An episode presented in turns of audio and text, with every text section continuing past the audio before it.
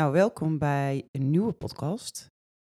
Ik moet heel eerlijk zeggen, ik was best wel overdonderd door alle reacties die ik de vorige keer heb gekregen. Ik dacht echt, wat? zoveel reacties, zoveel mensen hebben het geluisterd. Nou, dat doet mij alleen maar goed natuurlijk. En uh, ja, geeft me ook wel meer ruimte om uh, weer een nieuwe te maken. En vandaag, vandaag is hij ietsje ja, zweveriger, denk ik.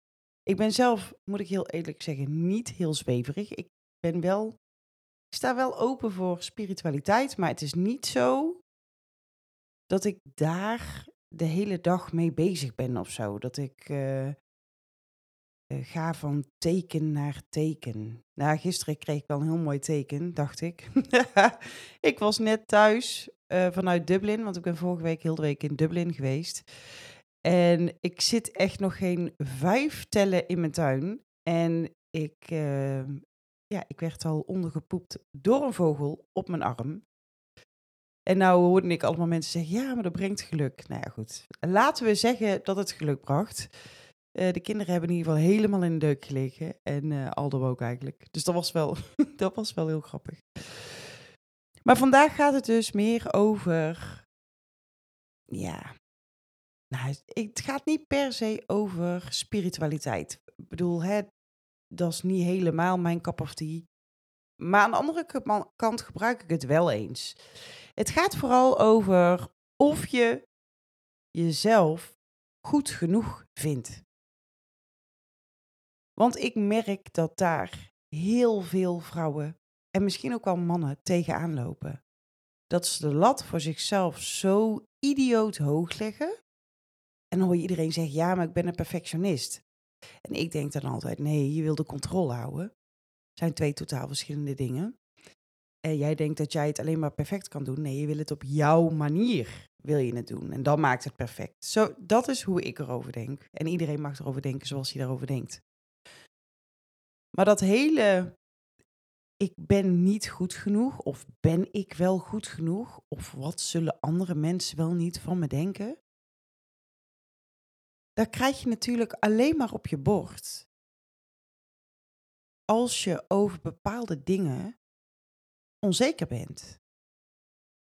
Ik bedoel, als jij helemaal lekker in je vel zit en je leeft je leven gewoon zoals je het leeft, je hebt uitspattingen, je kunt gek doen, je bent vrolijk, dan ben je veel minder bewust van wat anderen van je denken en ook wat jij zelf van jezelf denkt. Kijk, jij bent natuurlijk jouw allergrootste criticus. Er is niemand die zoveel op jou te zeiken heeft dan jezelf. Dat is best bijzonder, hè? Dat we dus zo geprogrammeerd zijn, dat je dus de hele dag loopt te zeggen tegen jezelf, ah joh, doe maar niet, kun je toch niet. Of uh, vorige week zag ik het nog. Vorige week had ik dus een uh, seminar in uh, Dublin. Was met alleen maar fotografen. En ze hadden aan twee fotografen gevraagd om op een dag te shooten. En dan mochten wij kijken. En dat was met flitslicht en het was in het kasteel. En één man, ja, die doet het echt supergoed in Amerika. een Amerikaanse man. En die moest dus een uh, groepsfoto maken van drie mensen. En ik zag al aan zijn, ja, aan zijn hele doen en laten, zag ik al, oeh, hij is niet relaxed. En wij staan er natuurlijk allemaal als professionals omheen, want er waren allemaal professionals. Er was niemand die net beginnend was. Iedereen was al jaren bezig. Dus het was echt al een hele fijne community. Maar je zag hem steeds kleiner worden. Dus ik dacht, hè, wat gaat hij doen? En ook toen hij ze neerzette, toen dacht ik al, hè, waar gaat het mis? Nou, daarna hebben we ook die foto's bekeken. Ja, de ongemakkelijkheid, die droop er vanaf. Maar die man, die doet zijn werk dus knijtergoed in Amerika. En op zo'n moment denkt hij dus dat hij niet goed genoeg is. En dat blijkt dus uit alles. Het blijkt dus uiteindelijk ook aan zijn resultaat. Dat hij dus inderdaad, nou ja, in mijn ogen dan hè, dat het gewoon niet goed genoeg was. En ik vind dat zo typisch dat als je dus door de, ja, door de onzekerheid, door alle ogen die op je gericht staan, dat je dan, dat je dan toch denkt, oeh, en het heeft met jouw onzekerheid te maken. Het heeft met jou, ja, met, nou ja, in dit geval, met zijn onzekerheid te maken. En met zijn gevoel van, oh, ben ik wel goed genoeg? Kan ik dit wel? En toen zei hij ook letterlijk, ja, maar als, als ik klanten fotografeer, ja, dan ga ik er dieper op in, dan weet ik wat ze willen. Maar hij kende deze mensen gewoon supergoed. Hij had echt last van faalangst en dat hij door de mand zou vallen. En het was ook wel een beetje oneerlijk hoor, moet ik zeggen. Want daarna, na die shoot van die twee mensen, moesten wij die mensen een stem geven wie het het best had gedaan. Dus er lag natuurlijk wel een beetje druk op. En vooral als er fotografen over heel de wereld, die waren daar. En die moesten hem dan gaan beoordelen. Ja, uiteindelijk hebben ze het netjes aangepakt. Maar ja, weet je, dan kan de druk opvoeren. Maar doordat hij zelf ervan overtuigd was dat het eventueel ja, niet goed genoeg zou zijn. Je, je zag het al aan hem, snap je? Je zag het al voordat hij begon, zag je al aan heel zijn taal, aan heel zijn lichaamstaal, zag je al, oeh, ik weet niet of dit goed gaat komen. En ook toen hij ze aan het poseren was, en het was, het was echt één grote ongemakkelijke bende. En er hebben natuurlijk heel veel mensen die denken, oh ja, maar op de foto gaan is één ongemakkelijke bende. Nou, en dat is niet zo. Als je gewoon de goede aanwijzingen geeft, je blijft vooral jezelf en je doet wat je moet doen, dan is het helemaal niet ongemakkelijk. Juist niet. Dan is het juist heel erg leuk. De mensen die hier komen, die zeggen altijd, oh, is het al voorbij? Ik zou eigenlijk willen dat het nog, nog, nog langer doorging. Maar je merkt dus, als, als iemand onzeker wordt, ja, dan ben je gewoon niet meer zo... Ja, niet... Kijk, in mijn geval word ik, over het algemeen word ik scherper. Dat ik denk, want ik kan ook echt wel zenuwachtig zijn voor een shoot. Dat ik denk, oeh, deze, ik heb gewoon, ik heb er geen stress van, hè, maar ik voel gewoon een lichte spanning. Ik moet zeggen, dan ben ik altijd op mijn best.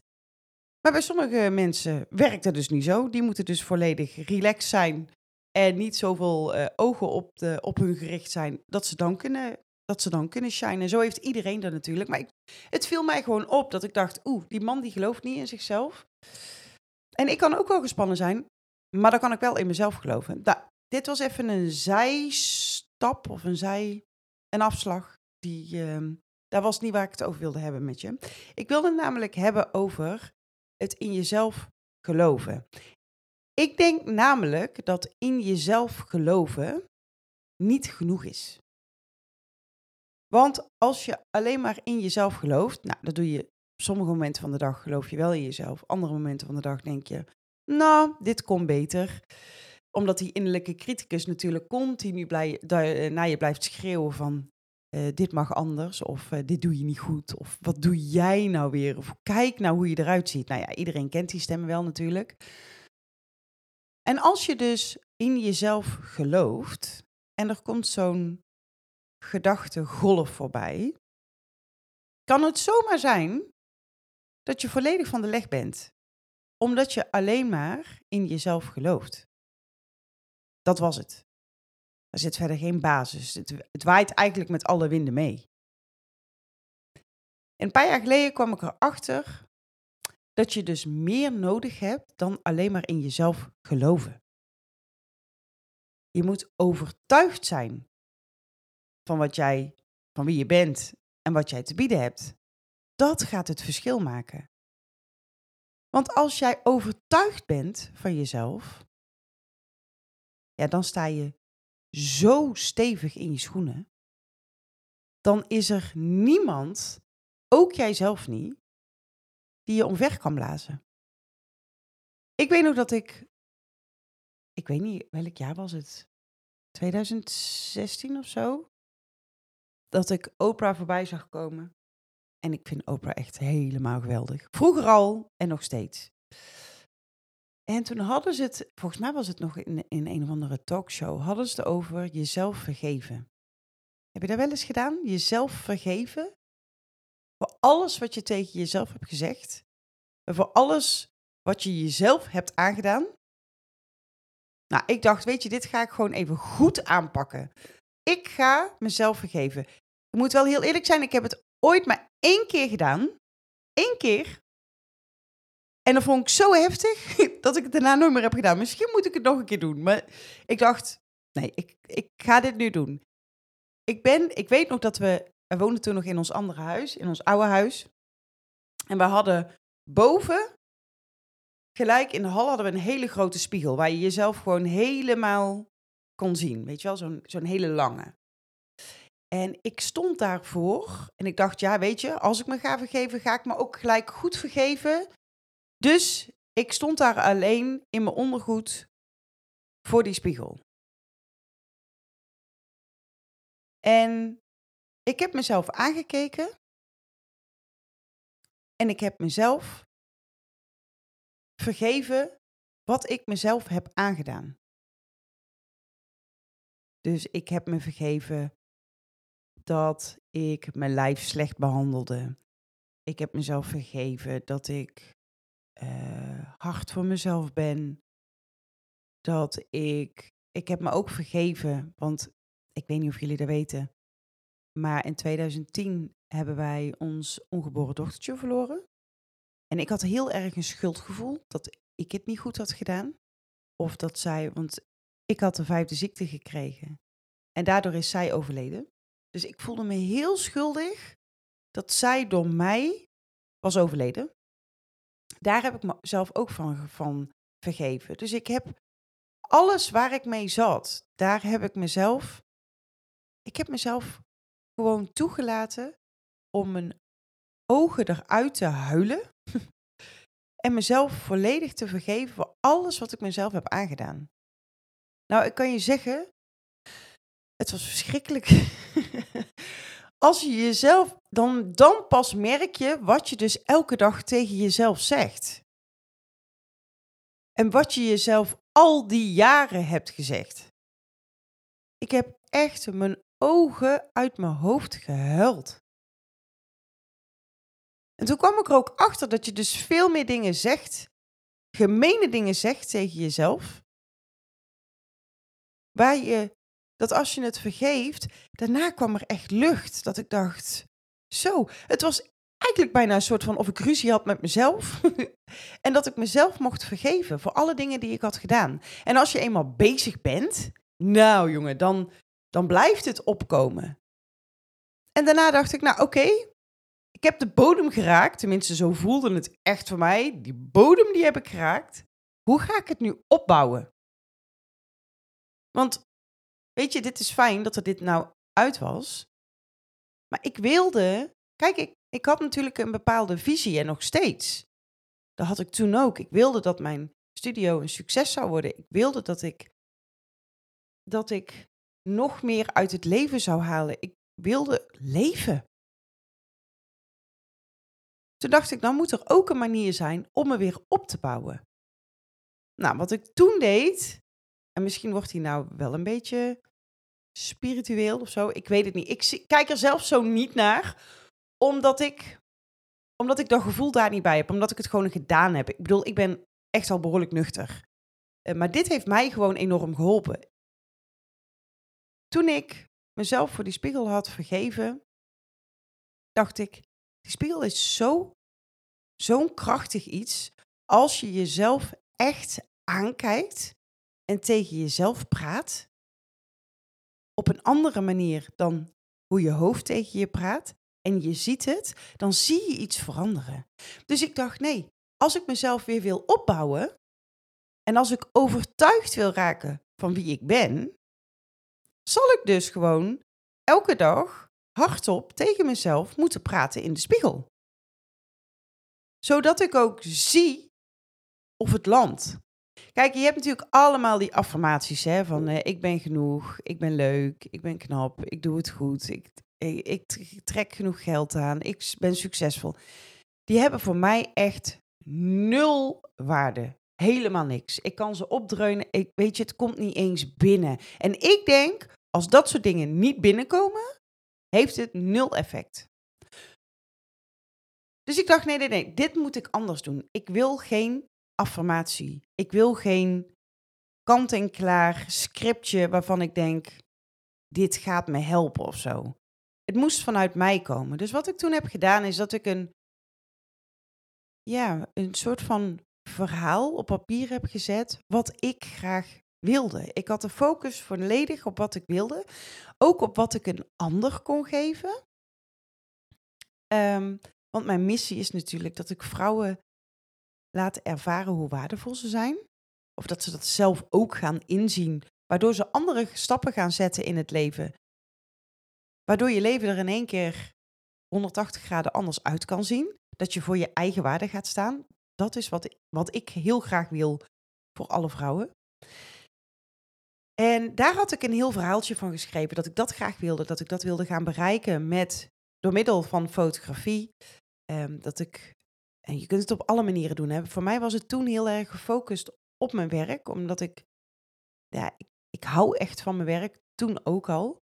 Maar ik dacht wel, er zit wel improvement in. Dus vandaar dat ik het vooral op, de, ja, op het werk had gerelateerd. Maar ik had vooral er ook bij gezet dat ik, weet je, zodra ik dat opzij, wat ik voor een ander kon betekenen. Hoe waardevol ik daarvoor moet zijn. Want als ik het niet ben, kan ik het ook niet doorgeven. Daarbij had ik dus een heel verhaal geschreven wat ik wilde bereiken, waar ik naartoe wilde, waar ik zelf nog in mag groeien en daar maakte ik dus een verhaal van en dat vertelde ik elke dag, twee keer per dag, tegen mezelf in de spiegel. En het effect daarvan is dat je de eerste dag denkt, wat de fuck ben ik aan het doen? en ook mijn kinderen die langskwamen, die dan naar mij keken terwijl ik in de spiegel aan het praten was, dat ze zeiden, mam, wat ben je aan het doen? Dan zei ik altijd, niks zeggen, want dan was ik weer uit mijn uit mijn gevoel. Ik voelde me dan zo dankbaar. Ik voelde ja, een soort van verliefdheid over me heen komen als ik het zei. Maar in het begin vond ik het heel ongemakkelijk. En daardoor had ik makkelijk kunnen stoppen. Had ik gewoon kunnen denken, weet je wel, zoek het uit. Maar ik dacht, nee, ik wil gewoon kijken wat dit doet. Wat doet dit met mij? En na een week daar werd het al gemakkelijker. En kun je ook makkelijker dat verhaal, weet je wel, op een gegeven moment zit een verhaal in je hoofd. En op een gegeven moment was het gewoon echt een gewoonte geworden. Dus ja, weet je, s ochtends als ik, voordat ik wegging, zat in de badkamer. Ik weet nog zo goed dat het gewoon in onze badkamer was. Ik was gewoon mijn tanden aan het poetsen. Na mijn tanden poetsen vertelde ik mijn verhaal met gevoel. Want dat was voor mij echt het allerbelangrijkste, dat er gevoel bij zit. En s'avonds voordat ik naar bed ging, na tanden poetsen, deed ik exact hetzelfde. En na een aantal maanden, ik denk dat ik dit ongeveer een jaar heb volgehouden. Nu doe ik het niet meer. Ehm, maar het hoeft in principe ook meer. Het zou wel kunnen hoor. Nou, ik eraan denk, denk ik, oh ja, zou het misschien op andere gebieden ook nog in kunnen zetten. Maar doordat ik dat een jaar heb gedaan, voelde je heel duidelijk de verandering, de shift, de echt bizar wat dat voor mij heeft gedaan door elke dag tegen mezelf te vertellen hoe waardevol ik ben. Wat ik andere mensen kan bieden. En dat ik mezelf mooi vind. En dat ik er mag zijn en dat ik goed genoeg ben. Weet je, als je dat elke dag tegen jezelf kan zeggen, heb je het ook van andere mensen niet meer nodig. Kijk, een compliment ontvangen is natuurlijk altijd fijn. Maar heb je het echt nodig? Heb je het nodig om van een ander te horen hoe waardevol je bent? En voor sommige mensen, weet je, die hebben het nodig. En ik moet heel eerlijk zeggen, soms heb ik het ook nodig. Ik bedoel, ik blijf gewoon een mens. Maar als je het echt nodig hebt in de zin van, anders ben ik helemaal niks, dan vraag ik me af. Ik denk dat het heel gezond is om jezelf complimenten te geven. Ik denk dat het heel gezond is om liefdevol naar jezelf te kijken. Ik denk dat het mega gezond is om goed in je vel te zitten. Ik zit ook super goed in mijn vel momenteel. Nou, eigenlijk al een aantal jaren. En toch hoor ik elke dag, nou ja, elke dag, nou ja, denk het wel, dagelijkse stem van, nou, je bent wel iets voller. En dan denk ik, ja, dus? Weet je, mijn focus ligt helemaal niet op de buitenkant. Tuurlijk, voor mijn gezondheid zou het misschien handig zijn als er iets af zou gaan. Maar weet je, dat heeft totaal niet mijn focus. Ik ben echt happy zoals ik ben. En dan kan die criticus gaan lopen schreeuwen van, nou jeetje, dat mag wel een paar kilo af, hè? En dan denk ik, zoek jij het even lekker uit. Ik ben happy. Ik kan echt zeggen vanuit de kern, vanuit mezelf, dat ik blij ben met wie ik ben. Van de binnenkant en van de buitenkant. En dat proces van het vergeven en mezelf opbouwen, heeft daar enorm aan bijgedragen. En ik kan me echt helemaal voorstellen dat iemand denkt: Jezus man, die is gek. Doe even normaal. Ja, ik weet niet waarom ik het toen deed. Toen voelde het echt juist of zo om dit op dat moment te doen. Dat ik dacht, ja, ik ga dit gewoon doen. Ik had niks te verliezen. Ik bedoel, wat heb je te verliezen? Mijn leven hing er niet van af of zo. Ik had zoiets van, ik ga dit gewoon doen. Baat het niet, schaadt het niet. Maar ik had niet verwacht dat dit effect zo groot zou zijn. Dat het dus zo, dat het je zo oplift, iets wat je dus helemaal vanuit jezelf kan doen, zonder dat je daar iemand anders voor nodig hebt. Ja, dat vond ik echt heel kicken. Achteraf kan ik echt zeggen dat dat voor mij de sleutel is geweest naar succes. Dit heeft me gebracht tot waar ik nu sta. En als ik het zo, uh, als ik het zo bespreek, denk ik, oh ja, misschien uh, kan ik nog een paar van die sessies zo met mezelf doen. Want het heeft echt effect. Het is te makkelijk. Het is te makkelijk om elke dag tegen jezelf te zeggen dat je niet goed genoeg bent. Dan ga je echt voor de easy way. Vind ik echt. En het effect zal zijn dat je altijd in de slachtofferrol zit en dat je jezelf nooit goed genoeg voelt. Dat is het effect. Maar ja, het kost iets meer moeite om elke dag tegen jezelf te zeggen hoe leuk je bent. En dat vind ik altijd wel grappig, hè? Want dan. Ik was afgelopen week met Amerikanen. Amerikanen zijn trouwens echt een heel ander slagvolk, moet ik heel eerlijk zeggen. Maar die zijn over het algemeen wel voller van zichzelf. En alles is great. En ik weet niet in hoeverre ze het menen. Ik had niet het gevoel dat het heel erg gemeend was. Dat moet ik dan wel weer heel eerlijk zeggen. Maar hier in Nederland is het natuurlijk toch zoiets van: oh ja, maar ze zullen me dadelijk uh, arrogant vinden. Of nou, die vindt zichzelf ook heel wat. Ja, hel je, vind jij jezelf heel wat? Dat is de bedoeling, hè? Dat betekent niet dat je naast je schoenen moet lopen. Maar jouw hele leven wordt honderd keer makkelijker als jij jezelf heel wat vindt. Waarom zou je jezelf niet heel wat mogen vinden? Ik snap dat echt niet. Het is jouw leven, hè?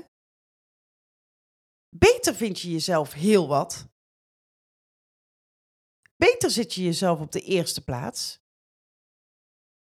Ongeacht wat iemand daarvan vindt. En dat is wel grappig. Op het moment dat jij de focus hebt op jezelf, hoe leuk je bent, dan ben je niet meer bezig met die ander. Want je bent bezig met jezelf. Je bent bezig om zelf jezelf fijner te voelen. Om meer in jezelf te geloven. En dan zeg ik, in het begin is het ongemakkelijk. Als je dit eenmaal doorhebt, en dan gaat er een wereld voor je open.